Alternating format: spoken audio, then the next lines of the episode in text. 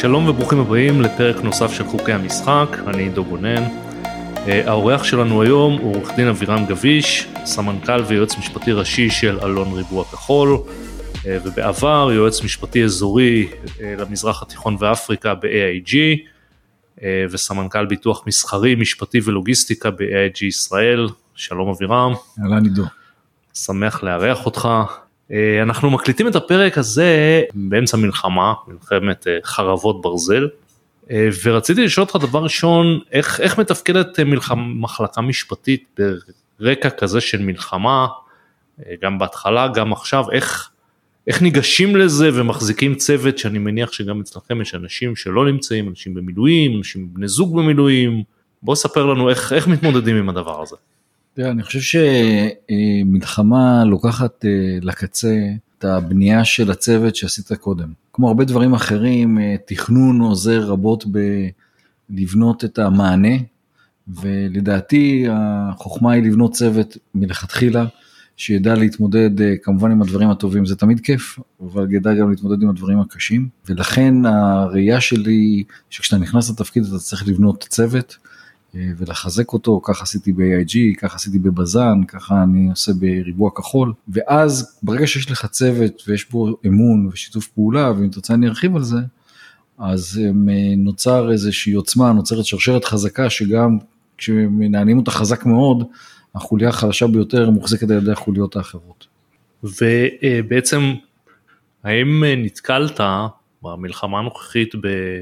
שאלות או בעיות ששונות ממשברים שהיו בעבר מבחינת אה, ניהול מחלקה או שהדברים הם פחות או יותר דומים ודרכי ההתמודדות הם דומות. תראה אני אתלה באילן גדול לפני הרבה שנים אתם אה, עשיתם כנס אה, שבו הופיע אודי ג'וליאני הוא דיבר על מנהיגות והוא דיבר על הרבה מאוד דברים ואחד מהדברים שהוא דיבר עליהם הוא דיבר על החשיבות של תוכניות מגירה. הוא אמר תוכניות מגירה החשיבות שלהן היא לא רק בזה שהן קיימות, אלא בזה שכשמגיע מקרה דומה אבל טיפה שונה, יש לך כבר רפרנס, זאת אומרת, אתה כבר עשית איזושהי עבודה. ולכן בתשובה לשאלה שלך, יש המון דברים דומים. אה, תחושת אי הוודאות, אה, התחושה של עובד שהוא פתאום לבד, אה, שלא ברור מה יקרה עם משפחתו, שלא ברור מה יקרה עם ילדיו, שלא ברור לו מה יקרה עם פרנסתו. היום אחרי הקורונה זה שאתה בא ואתה אומר טוב תישאר בבית זה כבר הרבה יותר מקובל יחד עם זאת הקורונה הייתה רק לפני אה, שנתיים וקצת, זאת אומרת זה לא היה מזמן. תחושות של בדידות והתחושות שאנשים אה, קצת חסר להם את פינת הקפה וקצת אה, לרחל על המזכירה ולרחל על המנכ"ל ולדבר על משחק כדורגל, זה דברים שמאוד חסרים לאנשים. לכן מה שאני חושב שכשאתה מגיע למשבר, בטח במשבר של מלחמה, אתה צריך לקחת את הכלים שהיו לך במקומות אחרים כמנהל ולראות איך אתה מחבק את האנשים כמה שיותר קרוב, גם אם אתה פיזית לא יכול. אתה יוצר איתם קשר, אתה מדבר איתם. למשל, יכול לומר לך שכשבניתי את הצוות הרב-לאומי שהיה לי ב-AIG באזור, אז uh, אני חייבתי את המערכות מידע בכל המקומות שהיו אנשים לשים uh, מצלמות, ואנחנו, כל הפניות שהיו... ש- לה... שזאת הייתה תקופה שלפני הזום של הקורונה. זה היה לפני הזום של הקורונה, זה היה כשהשתמשו בתוכנות אחרות, uh, יותר איטיות, אתה היית עושה שלום, ועד שהמלל היה נראה זה היה לוקח זמן, אבל... אבל עשינו את זה ו, ועמדתי על זה שכל שיחה תהיה בזום, סליחה, בווידאו, כדי שהם גם יראו את שפת הגוף, שהם יראו את הפנים וזה היה מאוד מאוד חשוב. אה, ולכן אתה, זה אחד המסקנות שהיו לי, שאתה צריך להיות כמה שיותר קרוב לאנשים, במובן הפיזי כמה שאפשר, ואם לא, אז שיראו אותך, ולא רק ישמעו אותך, וכל שיחה הייתה בצורה הזאת. ודיברת מקודם על אמון ועל בנייה של צוות, יצא לך אה, להיות בתפקידים ניהוליים בכמה מקומות ולעבור מתפקיד לתפקיד ומחברה לחברה, אתה בעצם מגיע לתפקיד חדש, אני מניח שלפעמים הגעת לצוות קיים ולפעמים לצוות שאתה בנית, איך אתה בונה את זה כשאתה אה, מגיע או כשאתה מקים צוות חדש? אני חושב שמה שתיארת הוא נכון, אני רק אומר, כשהגעתי לבזן, אני לא אשכח את זה, היה תחילת הסגר הראשון, הגעתי לבתי הזיקוק, לא היה אף אחד במשרדים חוץ ממנהלים כי כולם היו בבית, חלק היו מחשבים, חלק לא היו מחשבים ואתה צריך עכשיו להתחיל לייצר צוות. אז אפרופו אה, משברים, כמו שאתה מבין עברנו, עברתי דברים אה, מגוונים. אני אומר לך לגבי צוות חדש, צוות חדש באופן מפתיע בעיניי זה הפתרון היותר קל, זאת אומרת אתה צריך להתמודד עם הסיטואציה שבה יש עומס עבודה ברור לכולם שאין סיכוי שאתה תעמוד בו לבד, אתה צריך לתת פתרון מיידי, אם זה בזה שאתה לוקח אה, משרד מוביל כמו גולדפארם, ונעזר באנשים טובים כמוך כדי שייתנו פתרון מיידי, ויכול להיות שהעלויות היו קצת יותר גבוהות, אבל קודם כל צריך לתת פתרון מיידי. ואז אתה מתחיל לגייס, אתה צריך להגדיר לעצמך, לברר את, ה, את הדרישות שאתה רוצה להגדיר לעובדים שלך, מה טיב העבודה, איזה ניסיון, מה מידת העצמאות, האם יש התמחות, ולהגדיר לך את זה בצורה טובה. אתה קצת במתח, כי אתה מצד אחד אומר, אוקיי, אני צריך לגייס את האנשים, מצד שני, עוד לא ממש מכיר את המקום.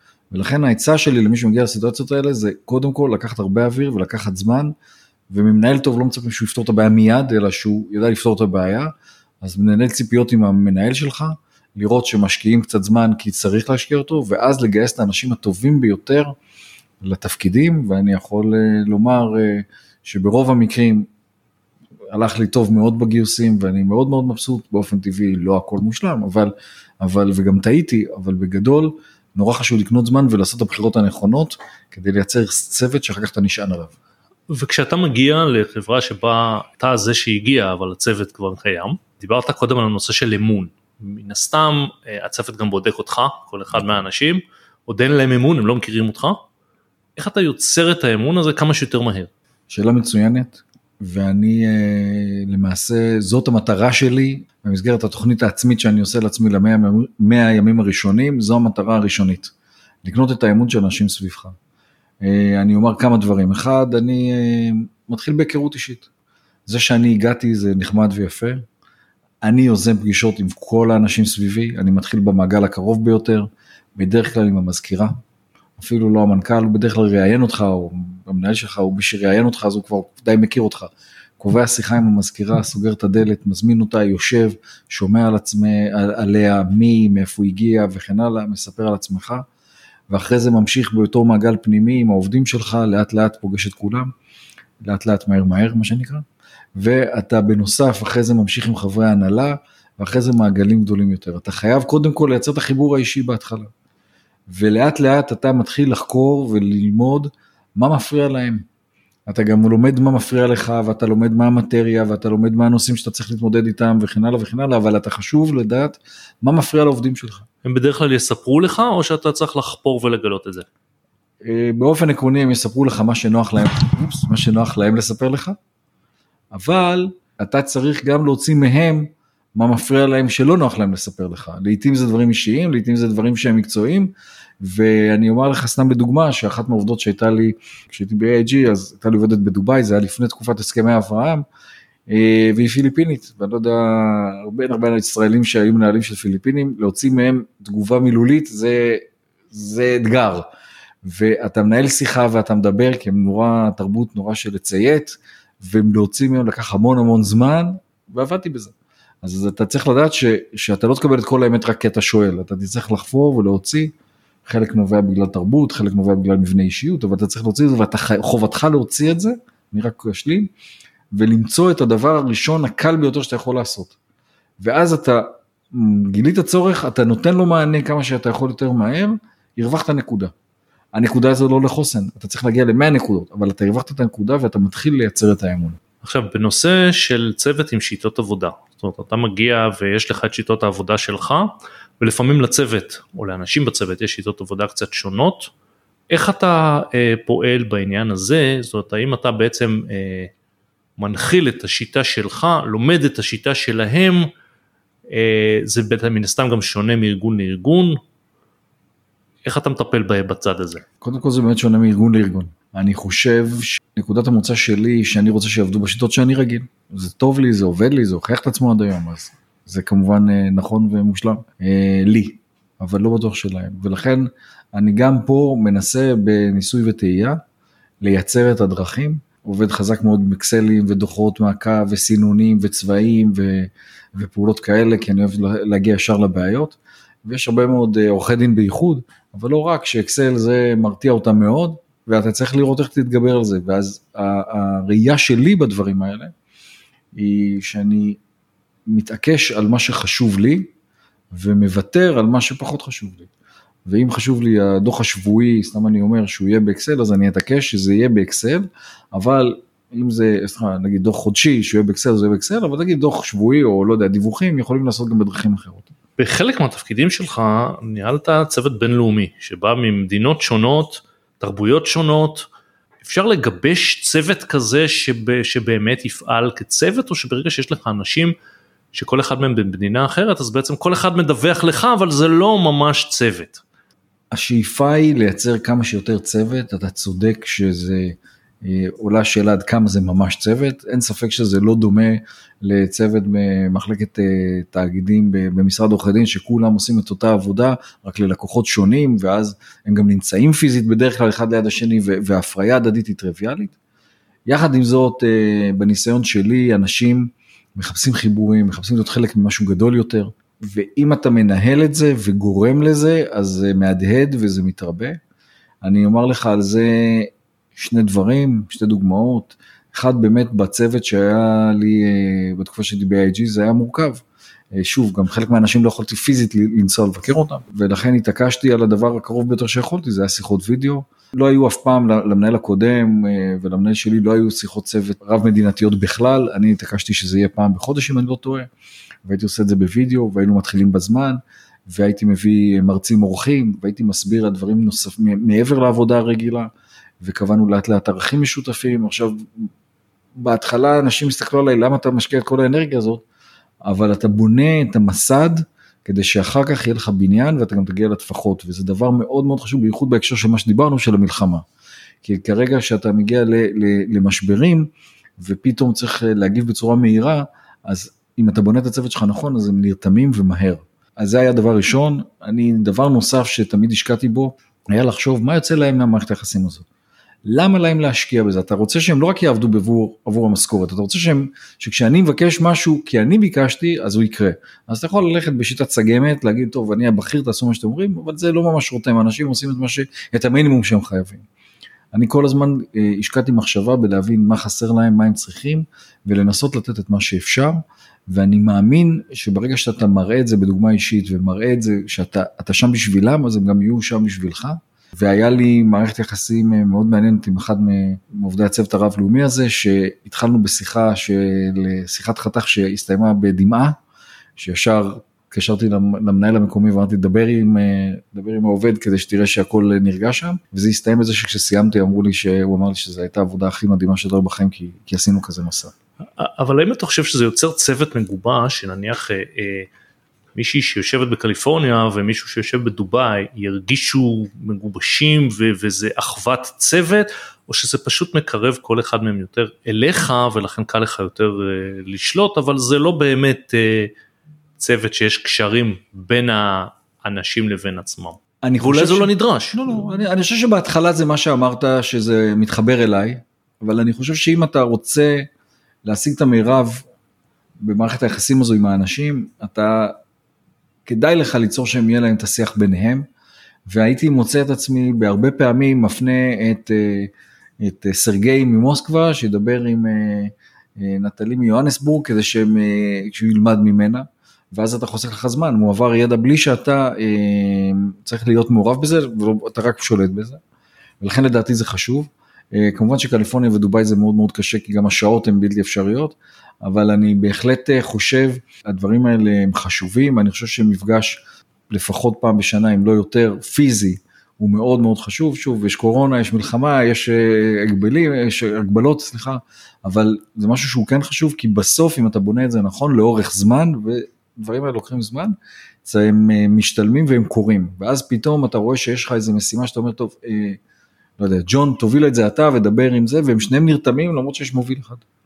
מניסיונך חברות אה, רב-לאומיות מאפשרות מפגשי צוות פיזיים כאלה באופן אה, אה, שגרתי נאמר, גם אם זה אחת לשנה, או שלא מקובל שכל צוות יעשה פגישות פיזיות? תראה, אחד אה, מניסיוני התשובה היא שיש ראייה כזו, בהחלט כן.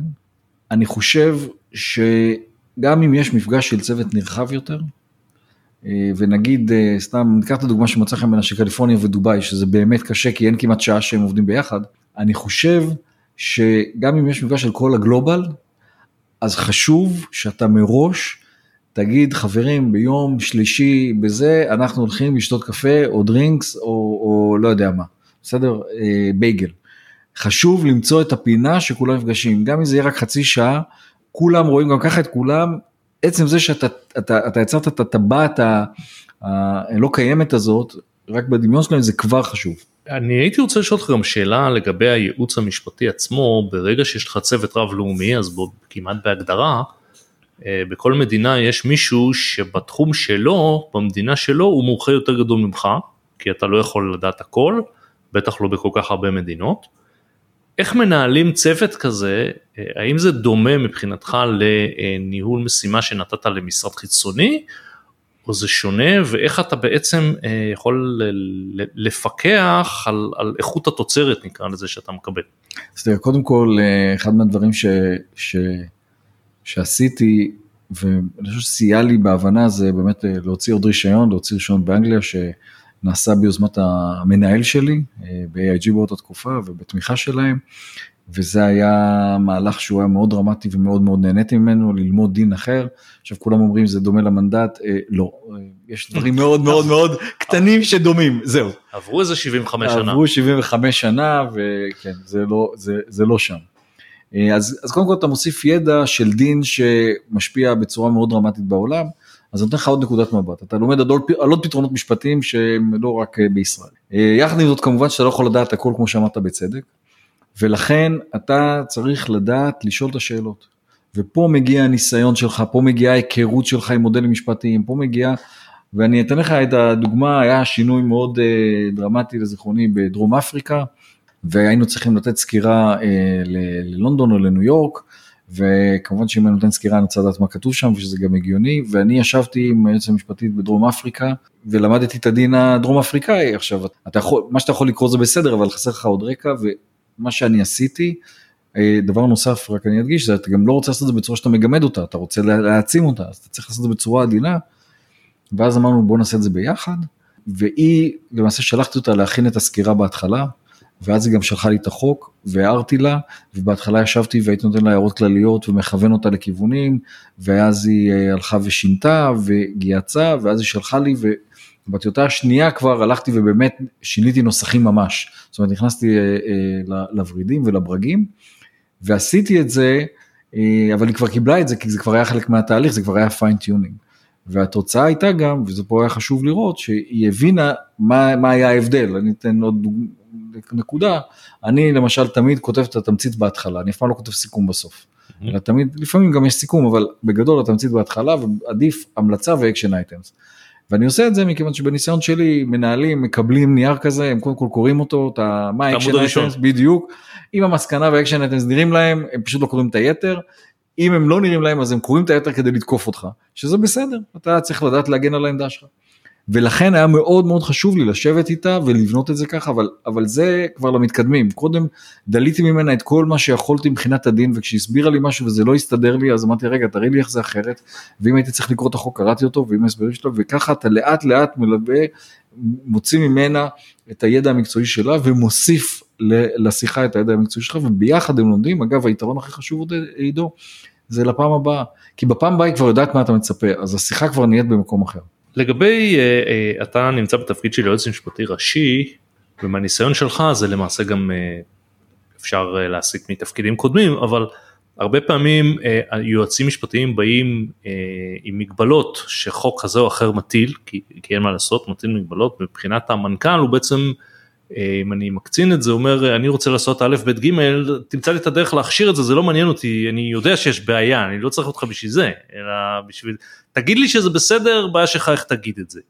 ובין הדברים האלה יש מתח ואני מניח דווקא בתפקיד של סמנכ"ל שאר הסמנכ"לים הם אה, נקרא לזה לגמרי בביזנס יש להם אולי פחות מגבלות איך מתמודדים, איך, איך, איך אתה רואה את התפקיד הזה ואיך מתמודדים עם המצב הזה, זה כמובן תלוי גם באישיות של המנכ"ל שמעליך, איך אתה רואה את זה? תראה, קודם כל אני אתחיל דווקא בסיפור על קולגה שאני לא אשכח שהייתה שיחה שכשהייתי בעולם הביטוח, הייתי עוד בעוד חברות חוץ מ-AIG, שבאיזשהו שלב הייתה רגולציה חדשה, והיא הטילה המון מגבלות על אה, דרך מכירה מסוימת, ואז אה, ישבנו עם מי שהיה הסמנכ"ל המקביל שלי, ו...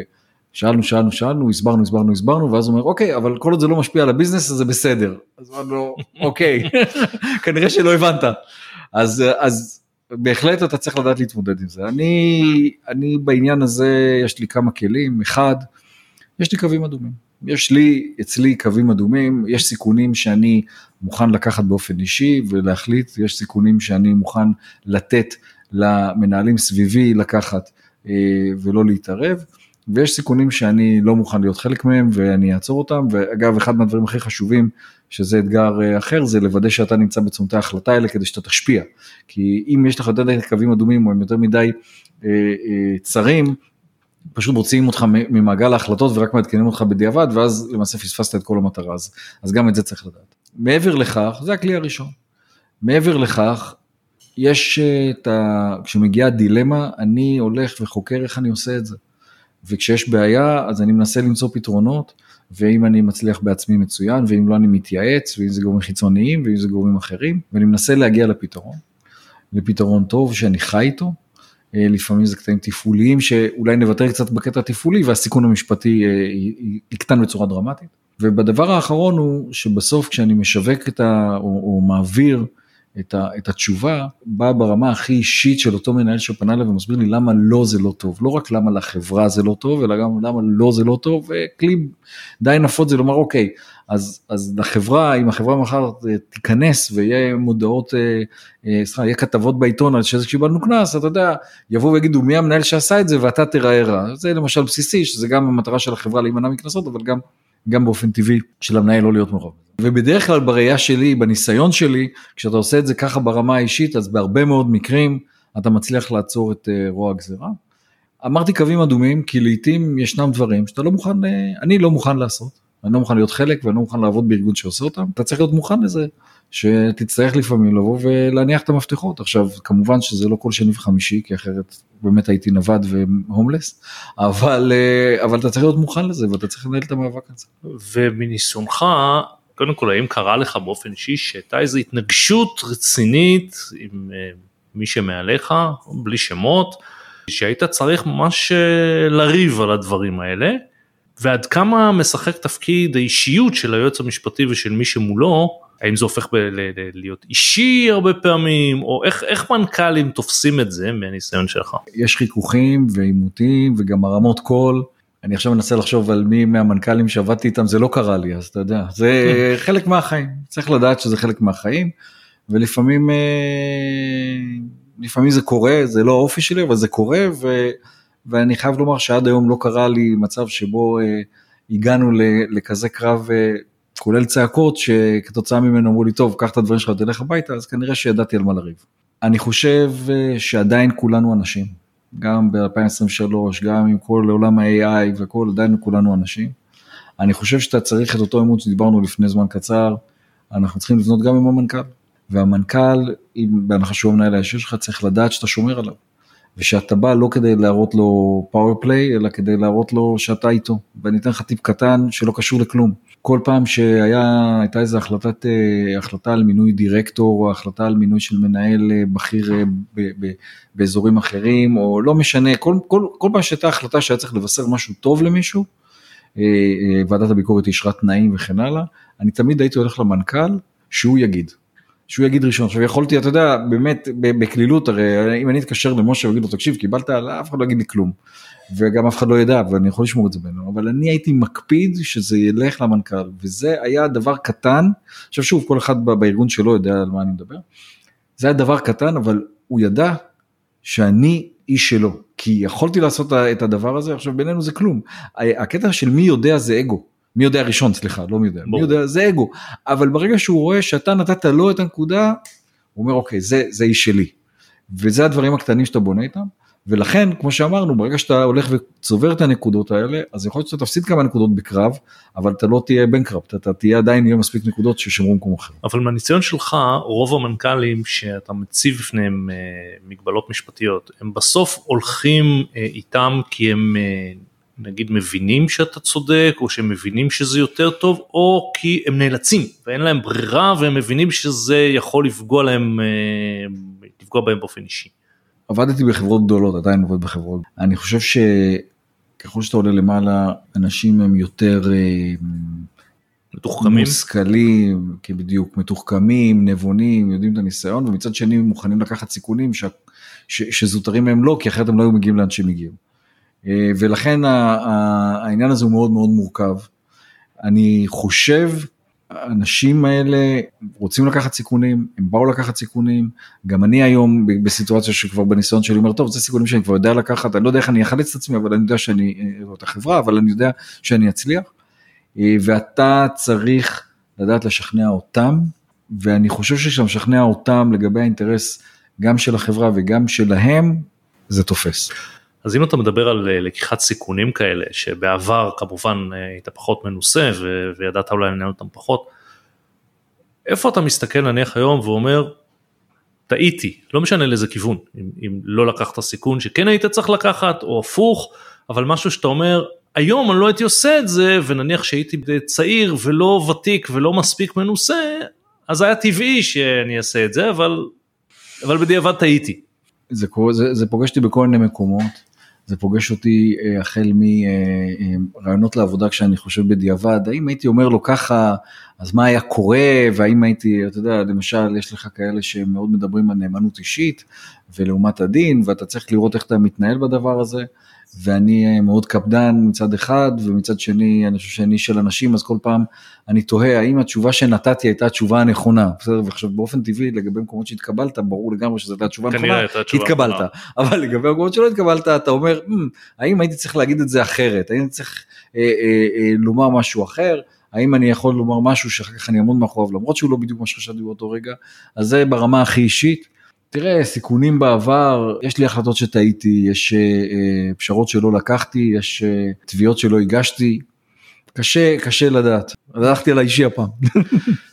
עכשיו, אתה מדגיש מאוד את הנושא של ניהול צוות, איך אתה עושה את זה נכון כשמגיעים דברים פחות נעימים כמו פיטורים, הורדות שכר, צמצומים שנכפים עליך על ידי הארגון, זה לא משהו שאתה, זאת אומרת אני לא מדבר על מצב שעובד מסוים הוא פשוט לא טוב ואתה צריך לעשות את זה כמשהו נקודתי, אבל כאילו כל, כל חברי הצוות הם בסדר גמור, אבל נכפה שינוי מסוים, איך הדרך שאתה חושב מניסיונך שהדבר, לעשות את זה בצורה הטובה ביותר, אבל שגם במרכאות תשאיר משהו מהצוות.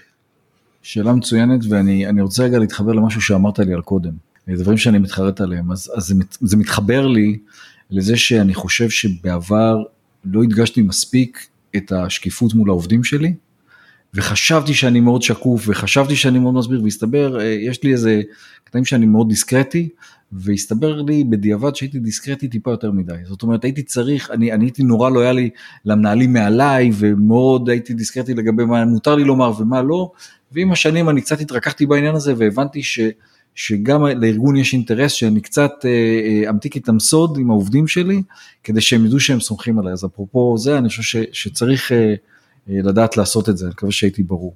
שוב, לא לסכן את הארגון, אתה לא מודיע לו, לא מודיע דברים זה, אבל אתה יודע, אפשר להמתיק סודות לפעמים ש, שהם לא סוף העולם, ומצד שני שאנשים ירגישו שהם שאתה איתם, וזה מאוד מאוד חשוב לעובדים שלך. עכשיו אני חוזר למה שאמרת. אני חושב שאם אתה בונה את האמון בהתחלה ואם אתה אוסף את הנקודות שדיברתי ויוצר את ההון של האמון, כשמגיעה החדשות האלה והן לא חדשות קלות וזה לא נעים, אז אתה צריך שיאמינו לך. אתה צריך שיאמינו לך שאני סתם אקח את הקיצוץ שכר שאמרת. אתה צריך שיאמינו לך שהקיצוץ שכר שכרגע אתה מדבר עליו הוא אמיתי ואותנטי והוא לא נעשה רק על השדרה שלהם ולמשל ההנהלה לא עושה את זה. זה נעשה באמת כי אחרת מפטרים אנשים ואתה צריך לדבר על הדברים האלה.